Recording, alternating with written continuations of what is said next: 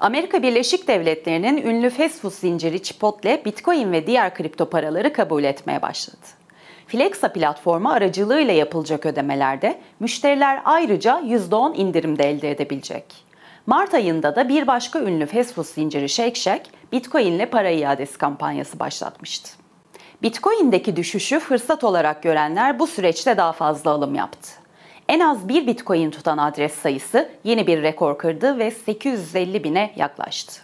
Dünyanın en büyük dijital fon yönetim şirketi Grayscale, Bitcoin fonunun bir ETF'e dönüştürülmesi için SEC'le görüşmelerine devam ederken yatırımcılardan da SEC'e baskı gelmeye başladı. Bazı kararları almadan önce kamuoyundan yorum talep eden SEC'e 11 binden fazla geri bildirim ve değerlendirme gönderildi.